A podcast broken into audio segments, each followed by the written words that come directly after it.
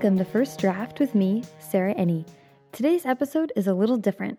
I spent the last week traveling with my good friend Kirsten Hubbard, co founder of YA Highway and author of Like Mandarin, Wanderlove, and several forthcoming YA and middle grade books.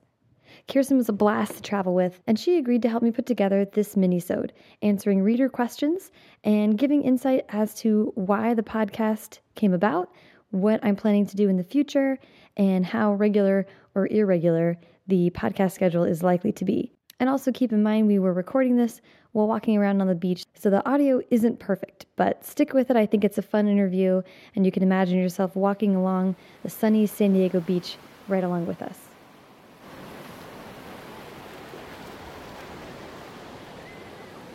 Let's try that again. All right. Hi, Sarah. How are you doing? Hi, Kirsten. I'm good. How are you? I'm good. Um, so I'm going to be asking you some questions about the podcast. Bring it on. Bring it This is the first time someone's asked me questions. I'm a little nervous. Yes. This is Sarah. So far, I think I think I am number 30 or number. 31. I think. Yeah, yeah, yeah. We're at we're definitely at 30 now. 30th interview, which I've been on the road for just a little over 30 days. So That's amazing. Amazing. yeah, That is mind blowing. How many authors you've spoken to? yeah. Well, so okay. So what is the reason you're doing this podcast? Well, there's several reasons, and um, first and foremost is that there's like personal changes happening in my life that made me just think about what I was doing and where I was at, and deciding that I needed a change. One of those changes being, I think I'm going to be moving. I definitely am going to be moving, and I, though you know, I'm based in DC now. I don't exactly know where I want to go, but I do know that it's. I've been in DC for six years. I'm ready for a change, and I kind of wanted to give a few places a try, like Asheville, North Carolina, or go back to Dallas where I lived when I was younger, and just see what those places are like, and maybe how I fit within them. Yeah, and these in this and who you are today. All these Exactly, exactly. So, so that's one one reason, and then the other reason is I had a book go on submission unsuccessfully, and was feeling a little creatively stumped, and felt like I needed advice from other writers, and maybe other people would be interested in what they had to say. So I decided to go online, buy a portable recorder, learn how to create and distribute podcasts, and do it myself. And you roll did it all it. into one trip. Yeah. and you are doing it you are actively doing it it's not just this idea you you thought of it and you got it going within a period of weeks right Yeah, actually, I had the idea in mid-May, and by July 1, I was on the road in New Jersey talking to Claire Legrand. wow Pretty That is crazy. wild. seriously it's so been a bit of a whirlwind. so 30 so 31 ish 32 including you authors so far here Yeah, that's right. I count now. and and now you you do count and there are like you have like a couple dozen more already scheduled like for coming up the Absolutely. pacific coast and- Absolutely. We are right now walking on a beach in San Diego, and tomorrow I will be heading up to Los Angeles, where there are a this is a scientific term, but ton of LA writers that write YA. I'm going to be interviewing as many as I possibly can before heading up to hit San Francisco, Portland, Bend, Oregon, Seattle, and anywhere in between that someone will have me. how did you choose which authors to interview Well, um, I definitely just started with people that were in my friend circle and that I communicated with online. I've been online in the YA world for about five years on Twitter and talking to a lot of people, and I've just developed a really, really great circle of friends. So I started with them, including many of the YA Highway girls. I'm going to as many of them as I can, and um, kind of going out from there with who people thought would be interesting to talk to and recommendations from other writers. So it's really it's really informal. There's no exact rhyme or reason to it, and I'm really hoping that anyone I may have missed, I'll be able to go back and and meet them somehow, some way. Yeah, that's cool. I just keep circling our great nation for I- years and years. well, so you're going to end up in Seattle. You're coming up the Pacific Coast, and at that point, like you know, you you don't know if you're going to move to Seattle or one of these like great cities that you've like gone through. Exactly. I don't know where I'm gonna end up. I still haven't made any decision like that. But my mom lives in Washington State, um, just south of Seattle. So this current two month stretch of the trip is gonna end when I get to Seattle to see my mom. And from there, I'm just going to plan to edit all of the interviews that I've done so far and see you know whether people like the podcast whether it's something that i can continue to do i really have enjoyed doing it so i'd like to find a way um, but i just don't know yet I mean, there's probably other ways, like like conferences and other kinds of gatherings. You can meet other authors at once without Yeah. always having to drive across the country. Yeah, I've gotten the you know the idea in mind to You know, there's talk of a YA Highway gathering in Arkansas. That's happening pretty close to Y'all Fest, which is in Charleston. So, you know, I was kind of thinking that might be a great way to gather some more authors. Yeah, to get everyone's kind of already together. The hard work is is done. But the other thing that I've really really liked about the structure of this podcast is that I get to see people where they live and asking Yeah. people about where they live and work and the places that inspire them has been really incredible. And people have had a lot of great things to say about their hometown, and I've given a lot of places a a good look that I wouldn't have otherwise. I think. Yeah, I mean, it's fascinating how we all kind of come together online as authors. And so we're all kind of coming into the same room, sort of, in, in the same bookstores, but we're writing in these like amazingly diverse places. I mean, even joining you for a week on the road. Yeah, it's like amazing. It's yeah, it's unreal. And then to to see how these people are translating the places they love and the different lifestyles that they love into books is is crazy. We all have similar cultural touchdowns. Like I spoke with Megan Shepherd in Asheville about her love of Lost, and she writes about people on islands doing scientific experiments. And Yeah. I was I would call Seattle home, and I have the same cultural touchstones. So it doesn't matter that she lives in a farmhouse, and I could never do that. Right. we love the same books and Right. and so the, the diversity of experience and yet the sameness of experience is, has been really really interesting to see. yeah, so what are some of your favorite places so far?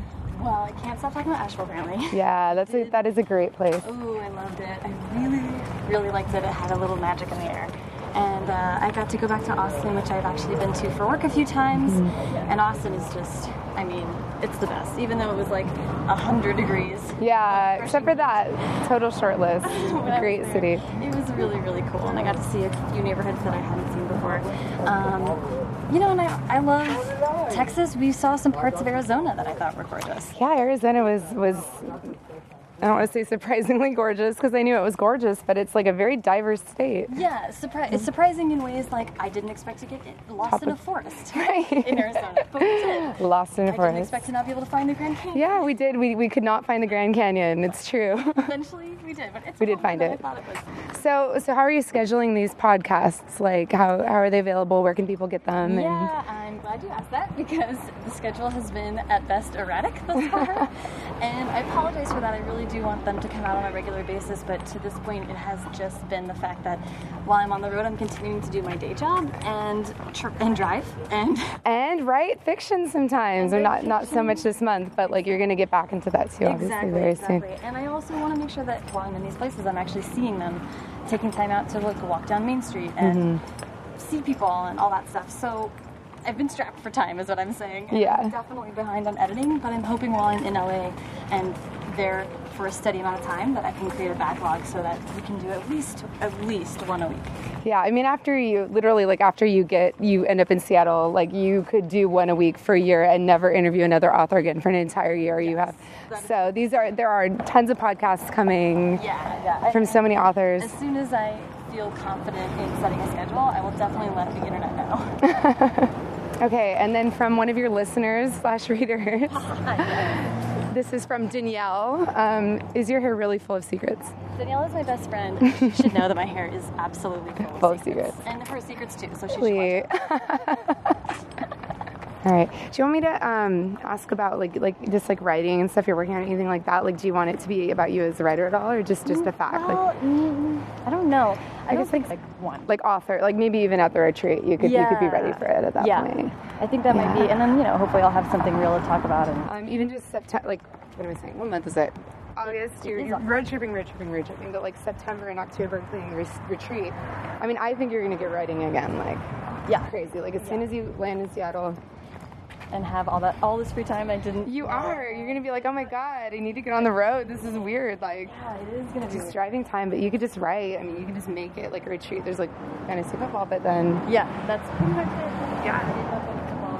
Writing. That's that's exciting. Like I was saying with like travel, I say it's really hard for me to like write at the time, right Yeah, at the time because of, you know when you're somewhere like sitting for five hours and just writing fiction is like it just feels like I can't do this. I need to be doing other things. Or Yes. you're not alone, and then Yes. even if someone understands, they don't quite understand. No, it is. Really? It's really hard. When you're sitting down for five hours writing, you're accessing like memory and combined experiences and and sort of your like lizard brain interpretations of places, and that's so different than walking around, seeing new things, figuring out where you are. So I think you need to let it rest. Actually experience yeah. things, let it rest, let it soak mm-hmm. in, and then you can tap into it later. But doing both at the same time is right. like an exercise in folly. But then you get home, and like for me, always, and that was something mm-hmm. with for me. It's like I even though I'm there like this limited amount of time. Every single time I've come back and I've just like written like a fiend. I did an entire draft of Cloud Forest one year. Just wow. and then like two months after, it's just like being surrounded by just like the newness and the freshness yeah. and creative people who make things happen. Yeah, I think it is almost I think I think the high of this trip, almost more than seeing new places, has been meeting people and having the conversations that I've had. Like people meeting other writers and talking about the challenges and like the highs of writing. It's that's why I don't know. I would I would absolutely encourage everyone to go to any kind of writing gathering that they possibly can because yeah. there's nothing, nothing, nothing that gets your like the spark going Absolutely. more than that. Yeah, and they, they can be exhausting, and the small talk can be tiring. And all yeah, yeah. You still come out electric with joy. I feel like. Yeah, you know? I think so. And I think that's um, actually been the really cool thing about the podcast is that you don't have to have a whole lot of small talk once you hit record. I'm pretty much diving into this conversation about the real shit. Yeah. And it kind of, totally. like, I was talking to Myra McEntire about it actually a little bit, is that why waste time just kind of tiptoeing around stuff. Just dive in, start saying real shit, see who are your people and who are not your people. Right, yeah, totally. And then to see, you know, people who write different types of books have different perspectives on it. And I'm, you know, I'd like to think that I'm going to write a bunch of different kinds of books. And I've learned tons, tons and tons from the conversations. And I'm so, so excited to share them. I'm glad that I didn't have these conversations just by myself, I'm glad that other people will get to be similarly inspired.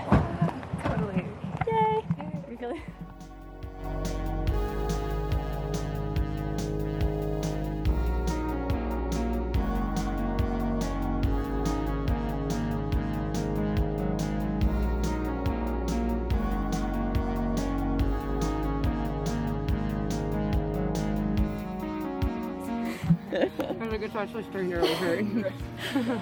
Oof. Yeah, that was hot. I know. I was like, it's getting hotter. Ah. Here we have sunburn on our feet on the bottom.